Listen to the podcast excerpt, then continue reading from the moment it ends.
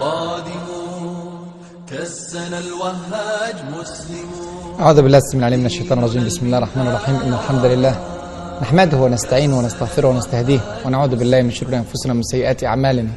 إنه من يهده الله فلا مضل له ومن يضلل فلا هادي له. وأشهد أن لا إله إلا الله وحده لا شريك له. وأشهد أن محمدا عبده ورسوله. أما بعد فأهلا ومرحبا بكم في هذا اللقاء المبارك. وأسأل الله عز وجل أن يجعل هذه اللحظات في ميزان حسناتنا أجمعين. مع الحلقة السادسة والعشرين من قصة عماد الدين زنكي رحمه الله وذكرنا في الحلقة السابقة جهاد عماد الدين زنكي رحمه الله لتوحيد الأمة الإسلامية.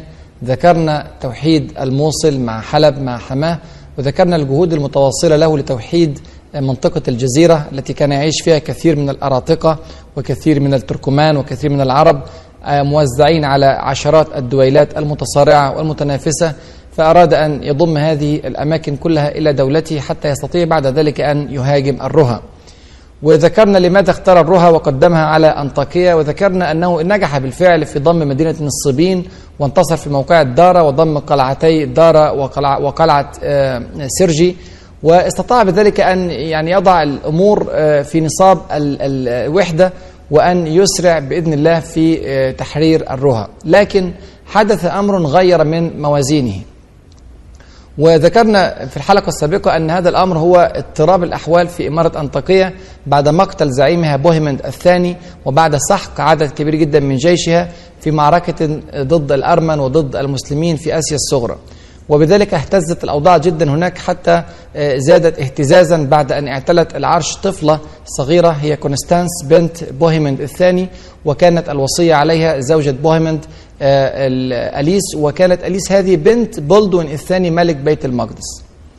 طبعا الأوضاع كانت في غاية الاضطراب وصلت الأنباء إلى عماد زنكي وكما ذكرنا أنه كان له من العيون ما يستطيع إكتشاف به الأشياء حتى في داخل البلاط الأنطاكي ووصلت الأنباء في نفس الوقت إلى بيت المقدس فتحرك بولدوين الثاني ملك بيت المقدس إلى أنطاكية وتحرك في نفس الوقت عماد الدين زنكي من منطقة الجزيرة إلى أنطاكية طبعا هذه مرونة كبيرة جدا في فكر عماد الدين زنكي. هو كان يقرر أن يكمل المسيرة مع قضية الرها لكن عندما تهيأت الظروف بشكل أفضل أو غلب ذلك على ظنه ذهب إلى منطقة أنطاكية في الطريق مر على حلب واستمد منها قوة كبيرة من الجيش من حلب وهي قريبة من أنطاكية ثم بدأ في رحلته في اتجاه أنطاكية ففوجئ بقوة كبيرة جدا في حصن يسمى حصن الأثارب وهو على بعد 20 كيلومتر تقريبا في غرب حلب وفي الطريق بين حلب وبين أنطاكية. قوة ضخمة من الجيش الصليبي الأنطاكي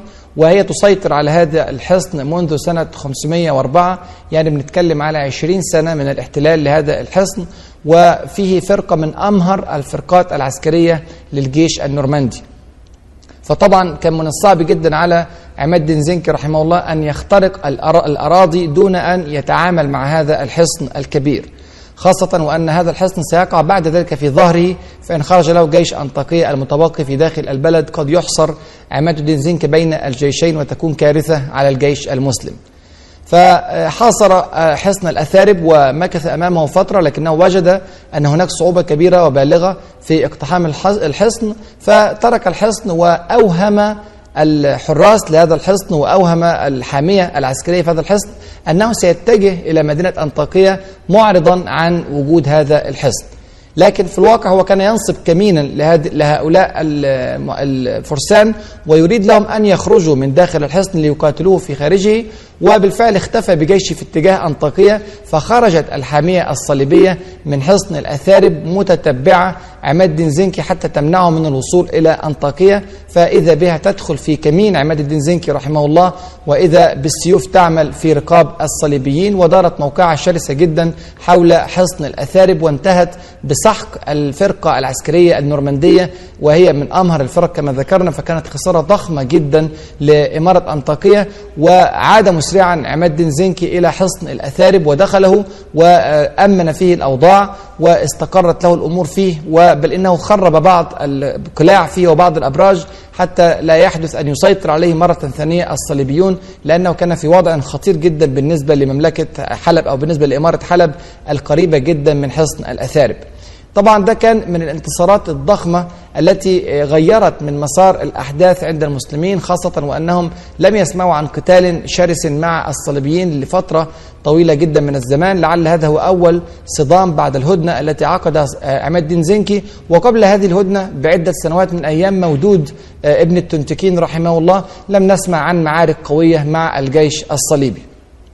فطبعا هذه رفعت معنويات المسلمين ليس فقط في جيش عماد بن زنكي وليس فقط في الموصل وحلب ولكن تنامت الأخبار وترامت إلى معظم أقطار العالم الإسلامي. وأكمل عماد بن زنكي طريقه إلى أنطاكية. في هذه الأوقات كان فل كان الأمير أو الملك بولدوين الثاني قد وصل بالفعل إلى أنطاكية. طبعا عماد بن زنكي تعطل أمام حصن الأثارب وتعطل قبلها في حلب عندما كان يجمع جيشه. وصل الملك بولدوين الثاني عبر الطريق الساحلي من فلسطين إلى لبنان ومرورا بسوريا حتى وصل إلى أنطاكية. وعندما وصل إلى أنطاكية فوجئ مفاجأة كبيرة. خلي بالنا أليس التي تحكم الآن أنطاكية هي بنت بولدوين الثاني. يعني اللي جاي ده هو أبوها ومع ذلك أغلقت الأبواب أمامه ورفضت أن يدخل وأعلنت استقلالية أنطاكيا تحت حكمها طبعا هذه كارثة وهي تصرفات مجنونة غير متوازنة من هذه المرأة وكان رد فعل بولدوين الثاني عنيفا جدا وهددت تهديدات كبيرة وأصر على اقتحام أنطاكية والحصون طبعا كانت قوية واقتحامها صعب ففعلت أليس ما هو أفظع من ذلك عند النصارى بشكل كبير إنها تواصلت سرا برسالة مع مع من؟ مع عماد الدين زنكي أرسلت له رسالة تطلب نجدته على أن تصبح أنطاكية تابعة لعماد الدين زنكي طبعا هذه يعني أول مرة تحدث في تاريخ الصليبيين وكانت إشارة قوية جدا إلى ضعف الإمارة الأنطاكية في هذه الظروف وفي نفس الوقت فرصة كبيرة لعماد الدين زنكي لكن الرسالة قبل أن تصل أمسك بها بولدوين الثاني على أبواب أنطاكية. وقتل الرسول وأرسل رسالة إلى الرهبان والقساوسة في داخل أنطاكية يخبرهم بمعنى هذه الرسالة. طبعا جن جنون الناس في داخل الحصن كيف يمكن لأميرتهم أن تفعل ذلك؟ وكان من نتيجة ذلك أن فتحوا الأبواب لبولدوين الثاني ودخل بولدوين الثاني إلى المدينة واعتقل ابنته ونفاها إلى اللاذقية. ووضعها هناك تحت حماية أمير من أمراء اللاذقية وكان تابع كانت اللاذقية تابعة لأنطاكيا ودخل إليها واستقرت له الأوضاع وعلم عماد الدين زنكي بهذه التطورات فيعني لم يستطع أن يدخل إلى أنطاكية لكنه تقدم بجيشه إلى مدينة حارم. ومدينة حارم هذه أيضا تقع بين حلب وبين مدينة أنطاكية وهي مدينة حصينة جدا وبها شعب كثيف وكانت تحتل صليبيا منذ بدايات الحملة الصليبية أكثر من 40 سنة في زماننا الآن في هذا التوقيت. وحاصرها عماد بن زنكي حصارا شديدا وكادت المدينة أن تسقط لولا أن جاءت لها رسائل من أنطاكية ومن بولدون الثاني أنهم سيأتون لإنقاذها. ولكن مع ذلك خشي الشعب الصليبي في داخل الحصون في مدينة حارم أن تفتح عليهم الحصون فجأة من عماد الدين زنكي فساوموه على الجزية ويدفعون له نصف خراج البلد سنويا وقبل بذلك عماد الدين زنكي لأنه كان لا يريد أن يلتقي مع جيوش بولدوين الثاني مجتمعة مع جيوش إمارة أنطاكية في معركة واحدة وقبل بذلك وعاد بعد أن عاد بعدد كبير من الغنائم وعدد كبير من الأسرى أخذهم من حول حصن حارم بالإضافة إلى ما حققه في حصن الأثار. انتهت هذه القصة بهذه الصورة وأصبح العالم الإسلامي كله من شرقه إلى غربه يتحدث عن عماد الدين زنكي رحمه الله وعن الانتصارات الخالدة التي حققها في هذه الأيام وذاع صيته في كل مكان وأصبح الرجل الأول بحق في العالم الإسلامي. عاد بولدون الثاني إلى بيت المقدس بعد أن وضع أحد الرجال على الأمراء على إمارة أنطاكية وبشكل مؤقت إلى أن يرى الظروف التي يمكن أن تقاد بها هذه المدينة ثم تطورت الأحداث فجأة وأضافت الأحداث أمورا تساعد المسلمين وتعطي الفرصة لهم لإكمال مسيرة الجهاد حيث ترامت الأخبار بوفاة جوسلين دي كورتيني وكان أمير إمارة الرها وطبعا هذا أمير مخضرم وله فترة طويلة جدا في القيادة آه، منذ يعني أكثر من 15 أو 17 سنة وهو يحكم أمارة الرها وعنده خبرة كبيرة جدا بالمنطقة. فوفاة جوسلين ديكورتيني وولاية ابن آه، آه، ابنه الشاب جوسلين الملقب بعد ذلك بجوسلين الثاني وكان عديم الخبرة في القيادة وفي الإدارة وكان كما يسميه ال- المؤرخون الأوروبيون أنه كان لا يرغب في القتال ولا يسعى إلى آه، الدفاع حقيقة عن إمارة الرها هذا الأمر أعطى مساحة كبيرة جدا من الأمل للمسلمين حيث آه، آه، تولى عرش آه، الإمارة الإمارة الرها آه، رجل ضعيف أو شاب ضعيف ليست له الخبرة كافية. تزامن أيضا مع هذا ال- الحدث موت آه، بولدوين الثاني ملك بيت المقدس. فطبعا ديت كانت كارثة أخرى كبيرة على بيت المقدس لأن بيت المقدس في ذلك الوقت كان يدير بيت المقدس ويدير أنطاكية. لأن زي ما قلنا قتل بوهمند الثاني زعيم أنطاكية وحصلت القلاقل التي ذكرناها منذ قليل وموضوع اعتقال أليس ووجود كونستانس طفلة صغيرة بلا وصية على العرش. يعني هذه الأحداث المتقلبة كانت جعلت بولدون الثاني يدير بنفسه أمور أنطاكية. فإذا مات في ذلك الوقت بولدون الثاني فكيف ستكون ال ال ال الأوضاع في مملكة بيت المقدس؟ وكيف ستكون الأوضاع في آه، إمارة أنطاكية؟ الواقع أن بولدون الثاني لم يكن له آه، ذكور أولاد وكانت له أربع بنات منهم أليس التي كانت على إمارة أنطاكية.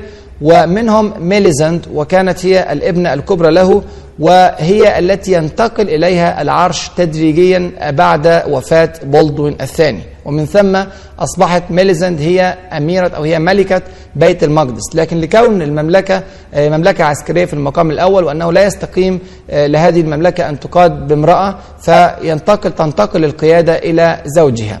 وزوجها كان فولك الإنجوي. فولك الإنجوي هذا كان فرنسيا وكان قد أتى إلى البلاد منذ ثلاثة أعوام فقط. يعني كان يعيش عمره كله في فرنسا ولم يأتي إلى فلسطين إلا منذ ثلاثة أعوام فقط. فهو ليست عنده خبرة كافية بالمنطقة ولا يعلم أحوال آه، فلسطين ولا الطرق ولا آه، الجيوش ولا القادة ولا خبرات الناس. ففي ظروف صعبة جدا تولى فيها فولك الإنجوي. ومن ثم أصبح عليه أن يدير أمور مملكة بيت المقدس بالإضافة إلى إدارة آه، إمارة أنطاكية. وده شيء بيخلي فيه خلخلة كبيرة جدا في الإمارات الصليبية. هذه الأوضاع كان من الممكن أن تؤدي إلى نتائج عظيمة جدا في الأمة الإسلامية لولا أنه حدثت أحداث غيرت من المسار. ترى ماذا حدث في الأمة الإسلامية في ذلك الوقت؟ هذا ما نعرفه بعد الفاصل فابقوا معنا.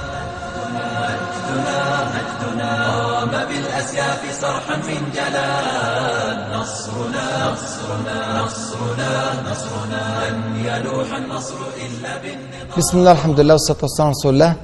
ذكرنا قبل الفاصل الأحداث السعيدة التي مرت بالأمة الإسلامية من انتصارات عماد الدين آه، زنكي رحمه الله المبهرة على حصن الأثارب في غرب حلب وعلى مدينة حارم بالقرب من أنطاكية وذكرنا الأحوال المتقلبة في مدينة أنطاكية أو في إمارة أنطاكية وذكرنا الأحداث السعيدة التي أتت بوفاة أمير الرها جوسلين ديكورتيني وولاية الابن الشاب جوسلين الثاني عديم الخبرة وعديم الرغبة حقيقة في القتال. وذكرنا أيضا وفاة آه، الملك بولدوين الثاني صاحب الخبرة الطويلة والعريضة في أرض فلسطين وولاية الرجل حديث الخبرة فولك الإنجوي تبعا لزوجته ميلزند بنت بولدوين الثاني. طبعا فولك الانجوي الآن يدير مملكة بيت المقدس ويدير في نفس الوقت آه، إمارة انطاكيه البعيدة جدا عن مملكة بيت المقدس. فكانت الظروف حقيقة مهيئة لفرصة آه، كبيرة جدا للمسلمين أن يقوضوا أركان الممالك الصل- الصليبية في هذه الفترة الضعيفة من تاريخها. لكن أتت الرياح بما لا تشتهي السفن. ماذا حدث؟ حدث في هذا التوقيت وفاة السلطان السلجوقي محمود عن عمر يناهز 27 عاما. طبعا مات فجأة سنه صغير وما كانش حد متوقع الموت في هذه الفترة وعندما مات لم يكن الوريث الشرعي إلا ابنه الصغير كان أقل من عشر سنوات وكان عليه الأتابك أو المربي الذي يقود البلاد من خلفه وهو أكسونكر الأحمدي الأحمديلي. طبعا كلمة آه، أكسونكر أو اسم أكسونكر واضح أنه منتشر في السلاجقة مر بنا أكثر من مرة.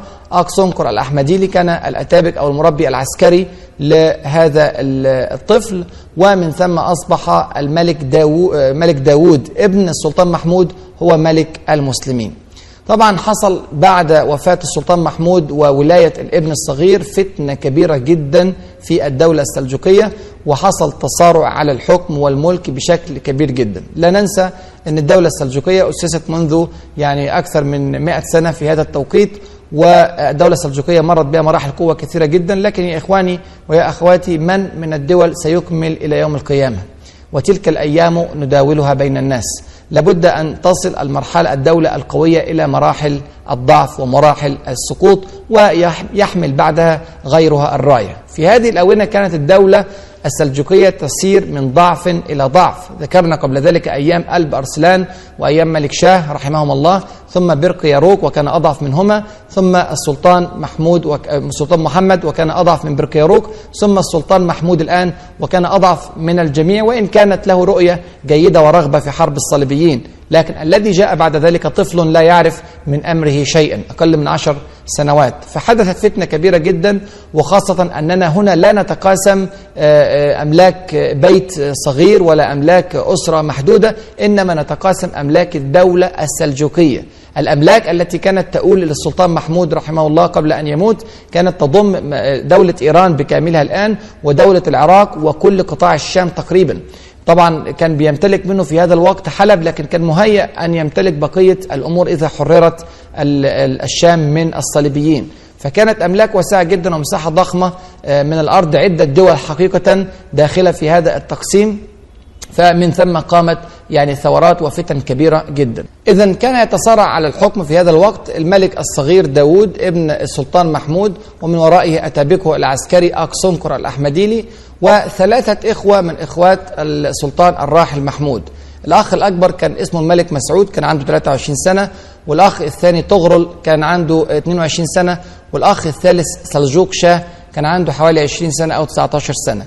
يبقى دول ثلاثة بالإضافة إلى الطفل داود الذي كان يعني ورث الحكم عن أبيه.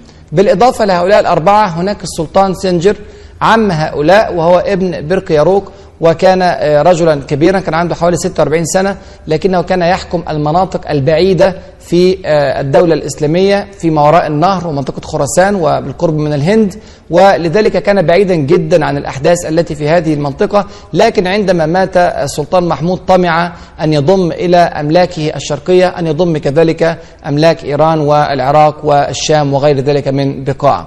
بالإضافة لهؤلاء الخمسة السلجوقيين هناك المسترشد بالله وكان الخليفة العباسي. ذكرنا قبل ذلك أنه كانت له طموحات كثيرة جدا في الوصول إلى الحكم وكانت له مؤهلات حقيقة قوية لكنه كان يفتقر إلى القوة ويفتقر إلى العدد. وذكرنا أنه لو وجد في زمان الخلفاء الأقوياء لكان له شأن.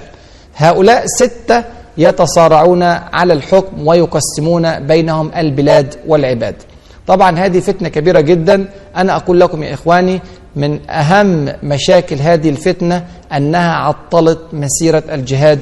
لا أقول شهرا أو شهرين إنما عطلت مسيرة الجهاد سنوات خمس متتالية. خمس سنوات والمسلمون في غرق في هذه الفتنة وللأسف الشديد عماد الدين زنكي رحمه الله هو مجرد تابع لأحد هؤلاء السلاطين. طبعا بعد ما توفى السلطان محمود أصبح المشكلة خطيرة من الذي يحكم هذه الأملاك الواسعة للدولة السلجوقية؟ وكان لزاما على عماد الدين زنكي أن يحسم أمره إلى من ينضم من هؤلاء المتصارعين. والحقيقة عماد الزنكي بدأ يحلل الموضوع. إحنا عارفين إن هو عنده قدرة عظيمة جدا على التحليل وقدرة عظيمة على المقارنة بين موازين القوى. فوجد أن أفضل هؤلاء واقوام هو السلطان مسعود الأخ الأكبر للسلطان محمود اللي هو كان عنده 23 سنة وكان يعني يشتهر بين الناس بحسن الأخلاق والسيرة وكان اداريا ناجحا في بعض التجارب السابقة له فلذلك قرر أن ينضم إلى السلطان مسعود أو إلى الملك مسعود ليصبح هو سلطان السلاجقة ويحاول على قدر ما يستطيع بقوته أن يؤيد هذا الأمر. في نفس الوقت جاءته رسالة من الملك مسعود تدعوه إلى الانضمام إليه فتوافقت الرؤى في ذلك الأمر. لكن طبعا هذا لم يعجب بقية الناس ودارت صراعات شتى في هذه الفترة وتحرج عماد الدين زنكي رحمه الله تحرجا كبيرا جدا في الدخول في هذه الصدامات بجيشه لأنها في النهاية صدامات بين المسلمين وبين الإخوة. طبعا لازم واحد يقف يسأل ويقول يا ترى إيه اللي حصل؟ لماذا تحدث صدامات بين إخوة؟ هذا يعني كلهم في النهاية أولاد أب واحد ويعيشون في مكان في دولة واحدة دولة السلجوقية وجميع من المسلمين وجميع من عرق واحد. يعني أشياء كلها تؤلف عادة بين القلوب فما الذي حدث؟ أقول أولا أن فتنة الدنيا التي تكلمنا عنها في أول الحلقات وأنها كانت سببا في دخول الجيوش الصليبية إلى منطقة الشام وتركيا وفلسطين وغيرها من هذه البقاع هذه الفتنة الكبيرة هي التي حدثت في هذه الدولة العظيمة. دولة السلاجقة كانت دولة ضخمة جدا وذكرنا أن حدودها كانت تصل من الصين إلى الشام. دولة بهذه المساحة الضخمة لابد أن تتسلل الفتنة بالدنيا إلى قلوب قادتها. نعم لم يحدث ذلك في زمان قلب أرسلان وملك شاه وفي, وفي زمان نظام الملك رحمه الله الوزير العالم التقي لكن الأمور تتدهور مع مرور الأوقات. وعلاقة الناس بالدنيا وبالثروة وبالمال وبالكرسي وبالسلطان هذه علاقات كلها تؤثر على حركة القلب وتؤثر على خشية القلب من الله عز وجل. فانغمس الناس في دنياهم ونسوا دينهم وبدأوا يتصارعون على الدنيا وإن كانوا يصارعون إخوانهم. نحن نرى يا إخواني وأخواتي الكثير ممن حولنا ممن يتصارعون مع إخوانهم أشقائهم من آبائهم وأمهاتهم على ميراث بسيط. على مجموعة قليلة من من الدنانير أو من الدراهم معدودات يتصارع الإخوة مع بعضهم البعض على ميراث الأب بعد وفاته. فما بالكم بهذا الميراث الضخم الهائل الذي يضم عدة دول ثرية في هذا الزمن؟ يعني مساحات شاسعة من الأراضي ومساحات هائلة من الأملاك وذهب وفضة وجواهر وكنوز وأطيان وقوة وسلطان أشياء يعني يسير لها لعاب الناس. فكانت فتنة الله وحده سبحانه وتعالى العاصم منها. فحدث الحرب بين الإخوة. الحاجة الثانية أن هؤلاء الإخوة ما كانوا يعيشون سويا. كل أخ يعيش في مدينة أو كل أخ يعيش في دولة. منعزلين تمام الإنعزال عن بعضهم البعض. إذا كان هذا أمير العراق فهو يعيش في العراق طيلة حياته وإذا كان الآخر أمير على فارس فهو يعيش في فارس طيلة حياته وهكذا. فلم تكن بينهم العلاقات التي بين الإخوة الذين عاشوا في ظروف واحدة وبيئة واحدة وتربوا في أحوال واحدة ولعل كل واحد منهم كان من أم مختلفة وكان هذا طبعا شيء طبيعي ومنتشر وكان عادة للملوك في ذلك الوقت أن يتزوجوا من بنت ملك كذا أو بنت أمير كذا ليقووا العلاقات ويثبتوا الأقدام. فكانت العلاقات يعني متغيرة جدا بين هؤلاء والبيئات التي تربوا فيها بيئات مختلفة. أضف إلى كل ذلك أن التربية لهم كانت تربية عسكرية صرفة. ورأينا أن كل أمير وكل حاكم من حكام دولة السلاجقة كان يأتي بأتابك أو مربي يربي أولاده. فكان هذا الأتابك عادة ما يكون قائد الجيش. يعني يأتي بقائد عسكري متمكن ليربي أولاده. يربيهم على ماذا؟ على القيادة والفروسية والجهاد في سبيل الله والقتال. لكن لم تكن المعاني الرقيقة التي يمكن أن تشكل الإنسان تربويا وعقائديا وأخلاقيا لم تكن تزرع فيه بالشكل المطلوب خاصة في هذا الزمن. وعلى فكرة عماد بن زنكي رحمه الله كان على خلاف هذا تماما. عماد بن زنكي رحمه الله عندما بدأ يربي أولاده لم يأتي لهم بالأتابكة العسكريين إنما أتى لهم بالعلماء. وأتى لهم بخيرة العلماء في بلاده يربون أولاده. لذلك بعد هذا هذه التربية رأينا نور الدين محمود رحمه الله يخرج بهذه الصورة الرقيقة الرائعة التي تمثل حقيقة العالم التقي والمجاهد النقي الذي يجاهد في سبيل الله عز وجل. هذه الصورة لم تكن واضحة تمام الوضوح في عيون السلاجقة في فترة حكمهم الأخيرة. لكل هذه الأمور ولغيرها من أمور وطبعا لضعف الاتصالات. كانت في مشكلة كبيرة جدا في الاتصالات. على بال ما بتوصل أخبار دولة إلى دولة أخرى بتكون أحداث كبيرة جدا حصلت وبتكون يعني تطورات ضخمة تمت. ولذلك كان الصراع لا ينتهي بسهولة ولم تكن الحروب بينهم يعني حروب سهلة. إنما كانت حروب بين جيوش كبيرة واطماع كثيرة وكل واحد وراه بطانة تزكي هذه الحرب وتقويها.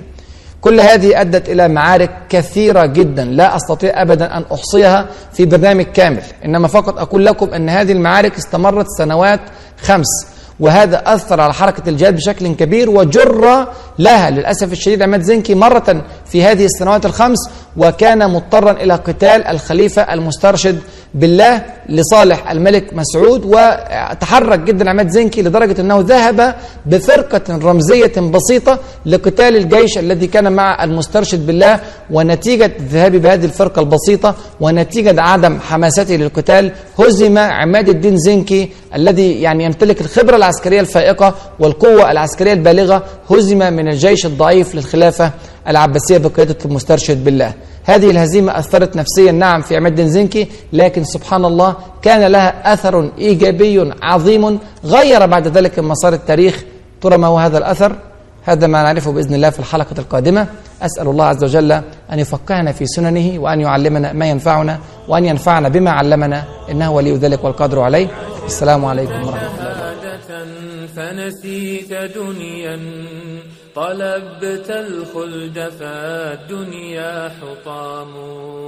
فيا رباه بلغه جنانا بها الشهداء أحياء أقاموا كأنك في جنان الخلد تشدو بك الحوراء خلي يا همام.